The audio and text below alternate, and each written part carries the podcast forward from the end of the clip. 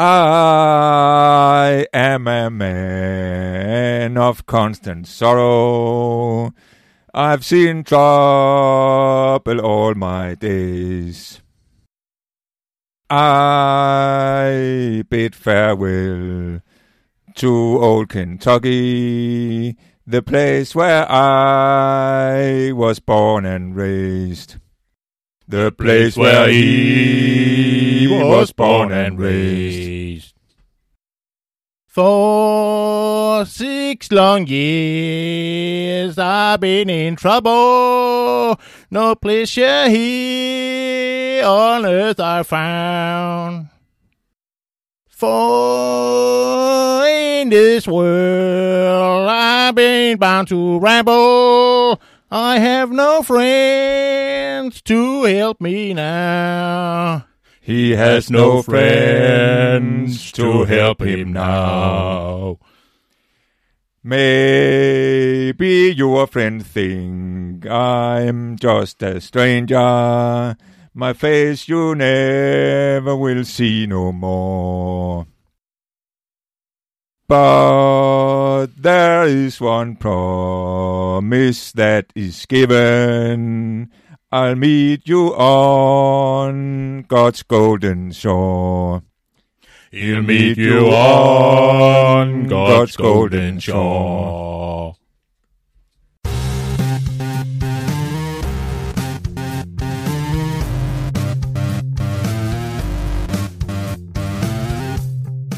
Du skulle lave en liste med de 100 bedste film, hvilke film skulle så med?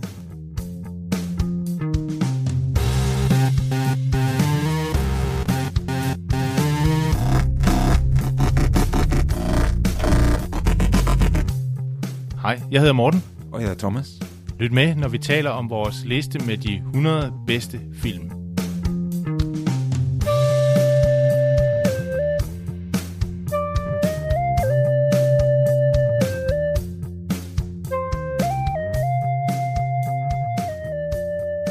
Hej og velkommen til vores podcast 100 bedste film. Jeg hedder Morten. Jeg hedder Thomas. Vi er kommet til film nummer 83. Det er filmen Oh Brother, Where Art Thou af Coen-brødrene. Med George Clooney, John Turturro og Tim Blake Nelson i hovedrollen, og filmen er fra 2000. Og vi skal som sædvanligt komme med en spoiler alert, fordi vi tramper rundt i handlingen og kommer rundt i krogene. Så nu er du advaret. Filmen starter med, at øh, vi ser de tre hovedpersoner, øh, som er straffefanger, og som det lykkes at undslippe. De er med i sådan en chain gang, hvor de tre er lænket sammen. Øh, og så handler filmen om de øh, mange forskellige oplevelser, de har. De er jo øh, på flugt fra politiet, men samtidig er de ude efter en skat, som øh, Ulysses, spillet af George Clooney, har stillet dem i udsigt. Og de oplever mange øh, mærkelige ting.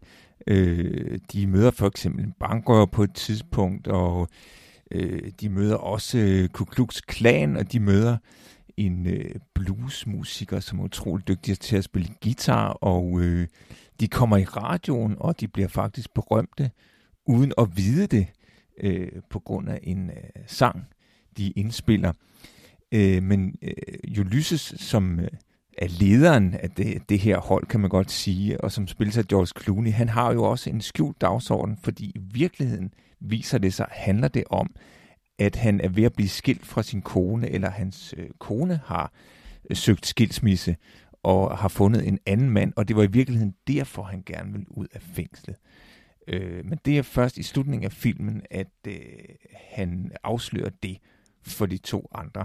Det ender med, at øh, han bliver forenet med sin kone igen efter sådan en meget øh, dramatisk øh, øh, slutscene, hvor de øh, får lov til at optræde med det her nummer, den her sang, som har gjort dem berømte. Og det er en af grundene til, tror jeg, at hans kone ombestemmer sig og gerne vil, vil have ham alligevel. Så er der jo også øh, den her politiske historie med, med et valg, hvor mellem øh, guvernøren og en, en modkandidat, som de også bliver blandet lidt i undervejs. Så det er store træk, filmen handler om. Og nu sidder du sikkert og tænker, hvad var det for en sang, vi sang i starten, men det var faktisk den sang, der hedder A Man of Constant Sorrow, som er den sang, de bliver berømt for i filmen. Altså Sogi Bottom Boys, som de der, den der øh, øh, øh trio hedder i filmen. Men det er faktisk en sang, der blev indspillet af en musiker, den blinde Richard Burnett. Den blev indspillet i 1913. Men det er jo en super god sang. Ja, det er det, og musik spiller jo en øh, vigtig rolle i den her film. Der er rigtig mange øh, sange. Øh, altså, det har næsten karakter af en musical indimellem. Så mange øh, sange, som der er. Folkemusik, øh, bluesmusik og også mange kristne sange. Øh, og, så, og så er det jo i øvrigt en genfortælling af Odysseen, altså den meget berømte øh, græske forfatter øh, Homer, det så berømte historie, Odysseen, ikke, som er jo en, en vigtig del af den græske mytologi, og filmen starter jo med, at der står, at den er baseret på, på Odysseen. Ikke? Det er jo også lidt specielt. Filmen er jo fuld af, af referencer til Odysseen.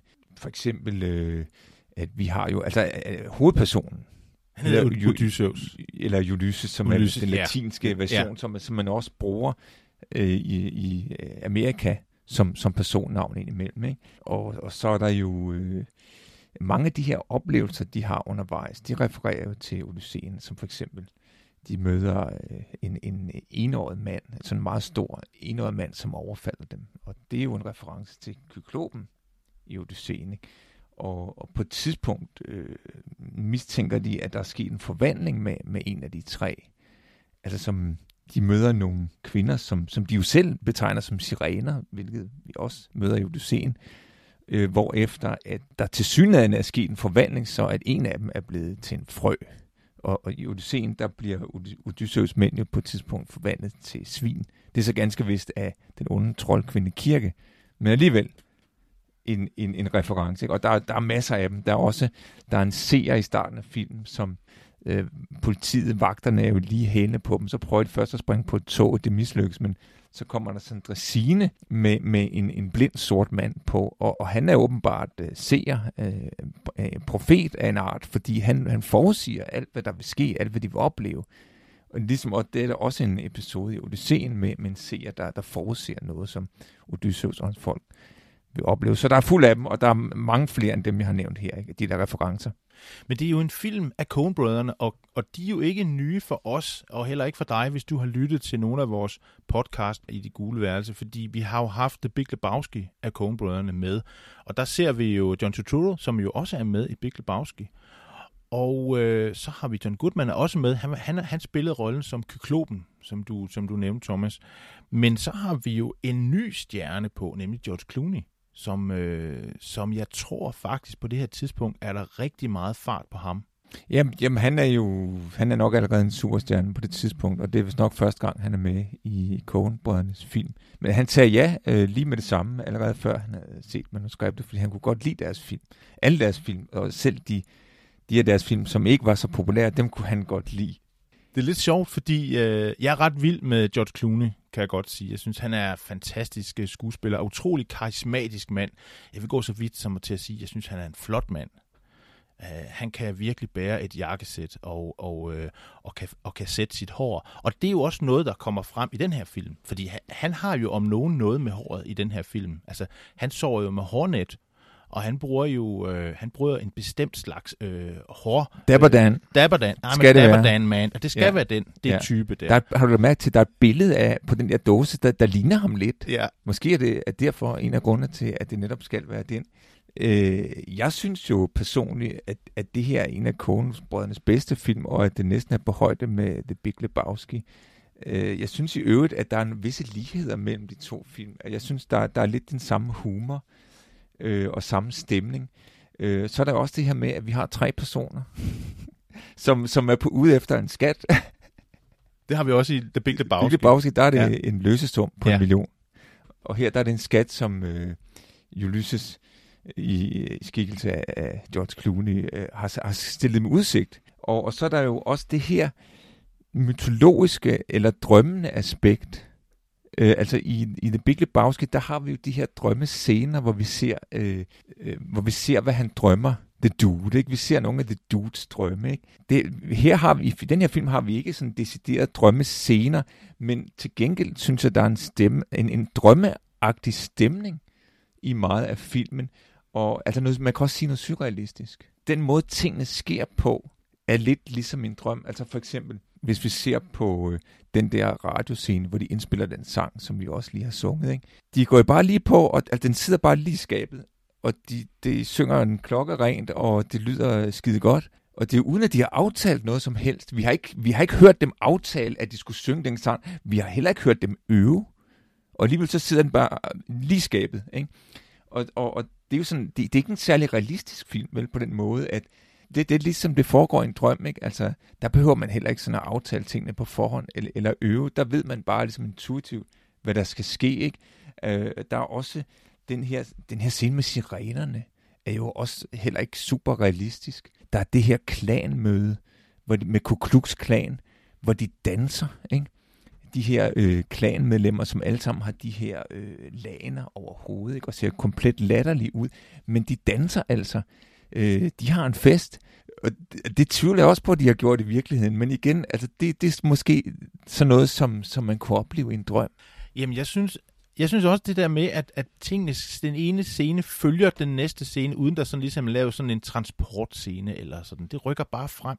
Og det har vi jo også set tidligere i nogle af de film, vi har snakket om. For eksempel gør det jo i, øh, i øh, Sergio Leones film. Han gør jo ofte det, at han, øh, han rykker bare scenerne øh, frem på række, og der er jo ikke så meget med overgang. Altså, for eksempel den, vi snakkede om, uh, The Good, The Bad and The Ugly, jamen, der kommer vi jo igennem uh, hele borgerkrigen som en som baggrundskulisse, og der rykker de jo sådan hele tiden frem. Pludselig, hop, så stod der lige en masse soldater lige om hjørnet, og, og lige pludselig så sker der det, og så er det ved en bro, der skal sprænges, og der er ikke sådan, det sker bare lige pludselig. Og det er lidt det samme her også, at de, så kigger de, hov, så er der de der klansmænd, så er de midt i et Ku Klux Klan møde, og så lidt efter, så øh, sker der noget andet, og i starten, så hopper de ombord på toget, og så kommer der ham her, øh, Theresias øh, seeren, og så kører de med der.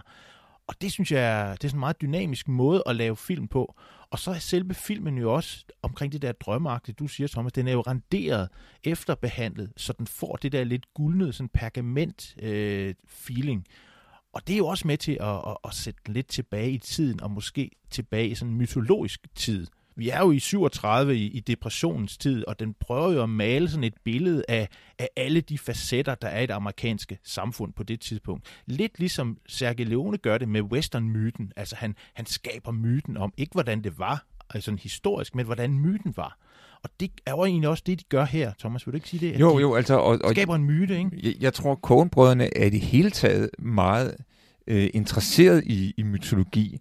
Øh, og, og jeg tror, det de gør, når, når, de, når de starter med at, at fortælle, at det er baseret på Odysseen, jeg tror egentlig ikke, at Kogenbrødrene er specielt interesseret i, i, i den historie, altså i selve Odysseen, altså i Homers fortælling.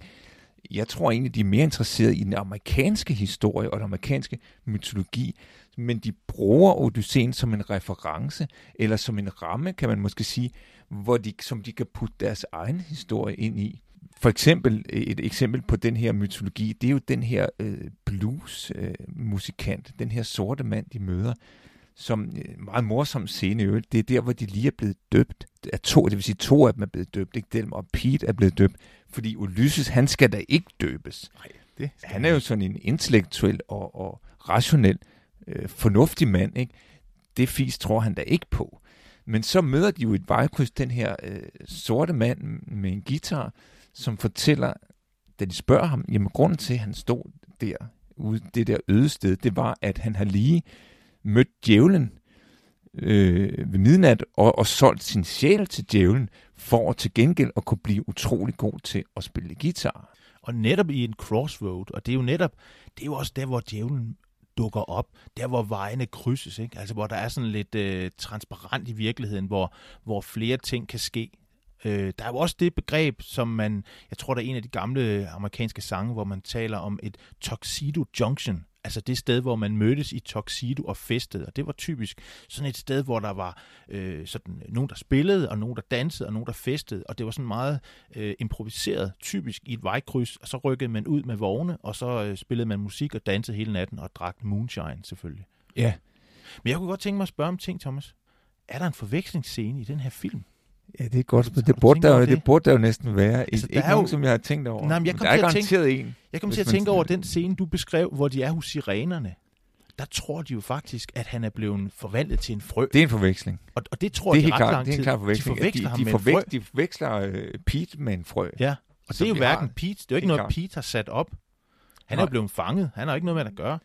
Og det er jo heller ikke noget, de gør bevidst, men de tager den her tusse eller frø med og passer på den, som, som om det var Pete, lige indtil ham her, den enårede kyklop, John Goodman, han får fat i den, så knuser han den. Ja. Det er ikke så rart. Nej, ikke, ikke, når, ikke- og især ikke, når man tror, det er Pete. Eller de, de Nej, tror jo, det er Pete. de ikke? Altså, det, det ja. er meget tra- Ja, det er meget traumatiserende. Den giver et meget godt tidsbillede af den her periode, som er jo en vigtig øh, periode i den amerikanske historie, og, og, og depressionen ikke, i 30'erne, og, og øh, den har referencer, som sagt.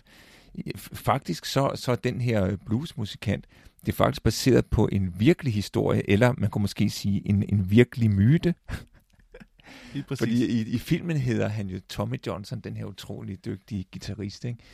som hjælper dem med at indspille den her sang og gøre den endnu bedre, fordi samtidig med, de synger godt, så er det også det her utrolig gode guitarspil. Ikke?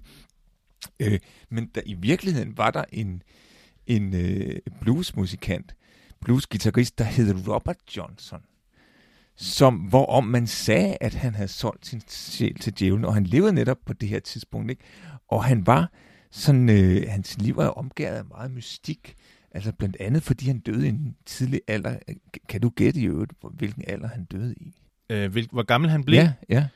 Mm, 29. 27. Okay, tæt på. Det er der, de alle sammen dør. De, 27. de berømte Det er de der der dør, klub- der dør for tidligt. Klub 20, ikke? Det er klub 20 nemlig. Klub han er 20, måske, ja. måske er han med en af dem, der grundlagde klub 20, 27 i virkeligheden. Ikke? Ja. Det er jo ikke en klub, vi nåede at blive en del af, Thomas. Øh, Nej, det gjorde vi ikke. det gjorde vi ikke. Men, men, men øh, altså, historien om ham var, at, at han, ja, han kunne spille lidt mundharmonika, men han var øh, pinligt dårlig til at spille guitar, når han forsøgte det.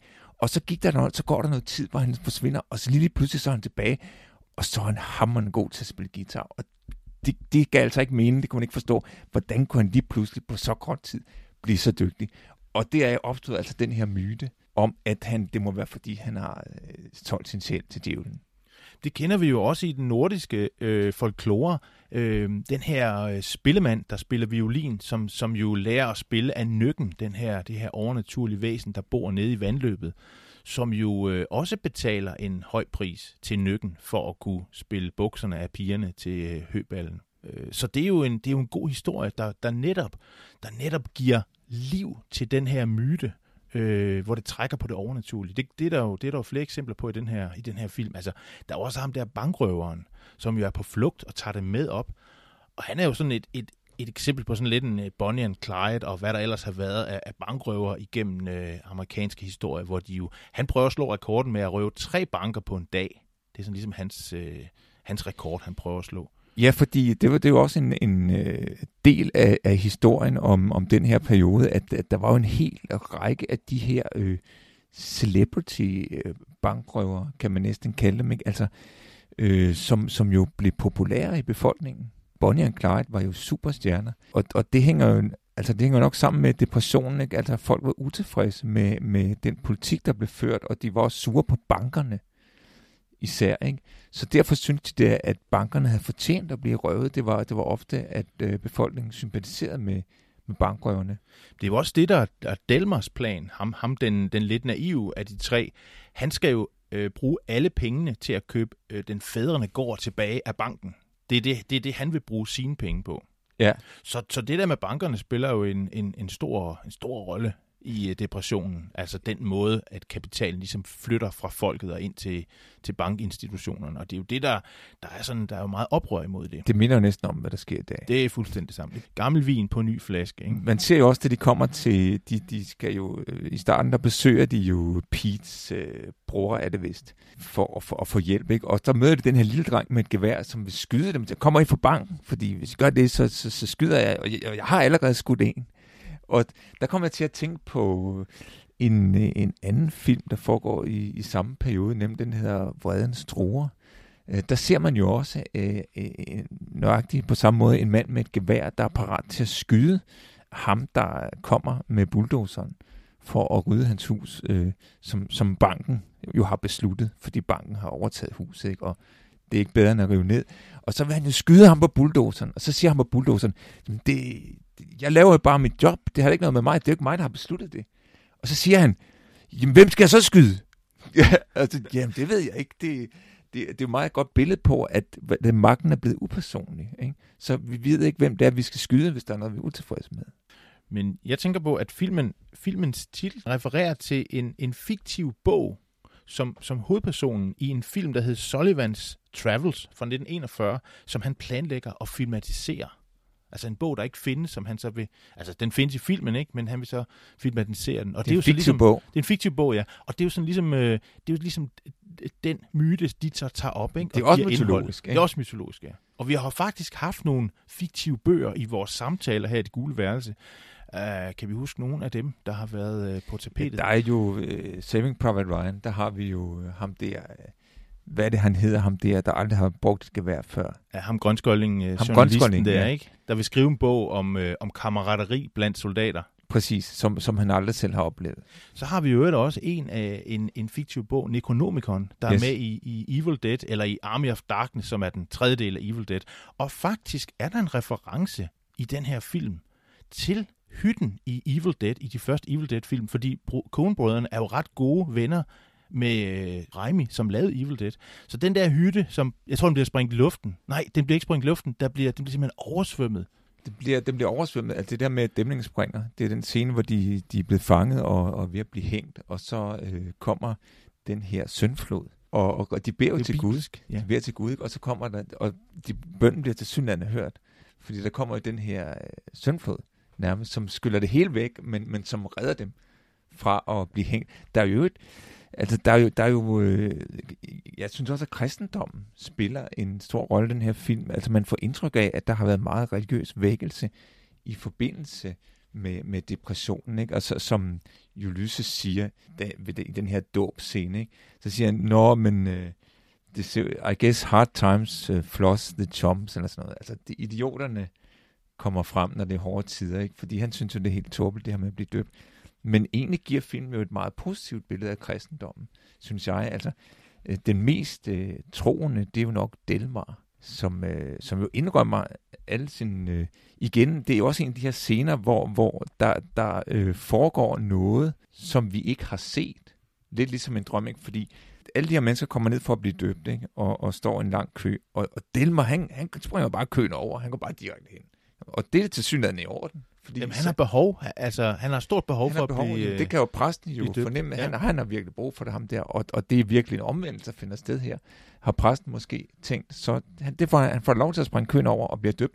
Og så siger Delmer, ja, nu er jeg frelst, og alle mine sønner er tilgivet, including The Piggly Wiggly I knocked over. Altså den der købmand, han røvet. Og, og så siger George Clooney, jamen det troede jeg ikke var dig.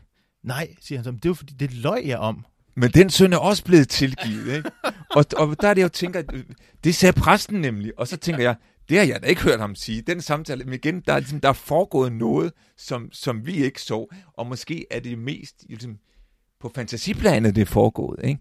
Men, men det gør det jo ikke mindre virkeligt, ifølge, ifølge filmens logik. Absolut ikke. Og så er det også... Men George Clooney er jo sådan lidt loren ved det. Han er skeptisk. Han, ja, for han siger, okay, en ting er, hvad præsten har tilgivet, men jeg tror, at det her county, hvor du har lavet de forbrydelser, de er knap så, så tilgivende. Og så Delmer, han siger, but there were witnesses seeing us redeemed. men måske er staten Mississippi ikke lige så tilgivende som Gud. ja, det tror jeg faktisk ikke. og, men George Clooney, eller som Ulysses, han er jo skeptikeren, ikke? Og jeg synes, det er meget interessant, også i forhold til den, nu havde jeg nær sagt, den virkelige Odysseus, men, men den gamle Odysseus, som, som Homer skrev om, ikke? Fordi han var jo også en, en interessant figur. Altså han er, jo, han er jo selvfølgelig en held af en art, men det, der kendetegnede øh, Odysseus, altså i, i Homers Odysseen, ikke? det er jo øh, primært, at han var snedig. Altså han er en intellektuel person. Han er smart. Han er snedig. Og han har faktisk nogle lidt uheldige træk, som måske ikke er, er særlig øh, helteagtige. Altså, han er jo i hvert fald ikke et ærligt menneske. Og det ser vi jo også i filmen her med, med vores øh, Ulysses. Så på et tidspunkt, så stjæler han et ur fra Pete's øh, bror, ikke?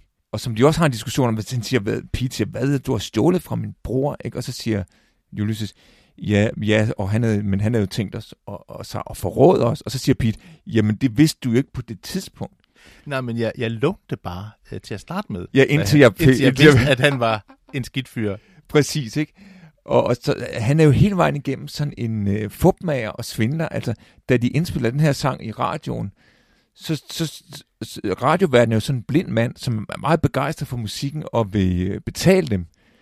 Og så siger øh, Ulysses, ja, men øh, øh, der er nogen af os, må bare underskrive med krydser, fordi der er kun fire af os, der kan læse og skrive. Ikke? Og, de, og de er kun fire, men det er jo så for at få nogle flere penge ud af ham. Ikke? Han har jo også løjet for sine venner, for at få dem til at flygte, for der er slet ikke nogen skat. Det var bare, det handlede jo om, at han skulle øh, øh, redde sit ægteskab og undgå, at konen giftede sig med en anden. Så han fortalte om den her løgnhistorie. Men ved du hvad, det, det er lidt sjovt, øh, den rolle, som Clooney har i den her film, fordi jeg, jeg havde set den her film for mange år siden, og kunne ikke rigtig huske den, og skulle gense den. Det er jo en, som du har taget med på, øh, på listen, en af vores, på vores fælles liste. Så jeg så den sammen med en sød sygeplejerske, som jeg plejer at se film med, og vi synes, den var skidegod. Men efter vi havde set den, så så vi faktisk en anden George Clooney-film, nemlig den, der hedder Ocean's Eleven. Og den er fra året efter.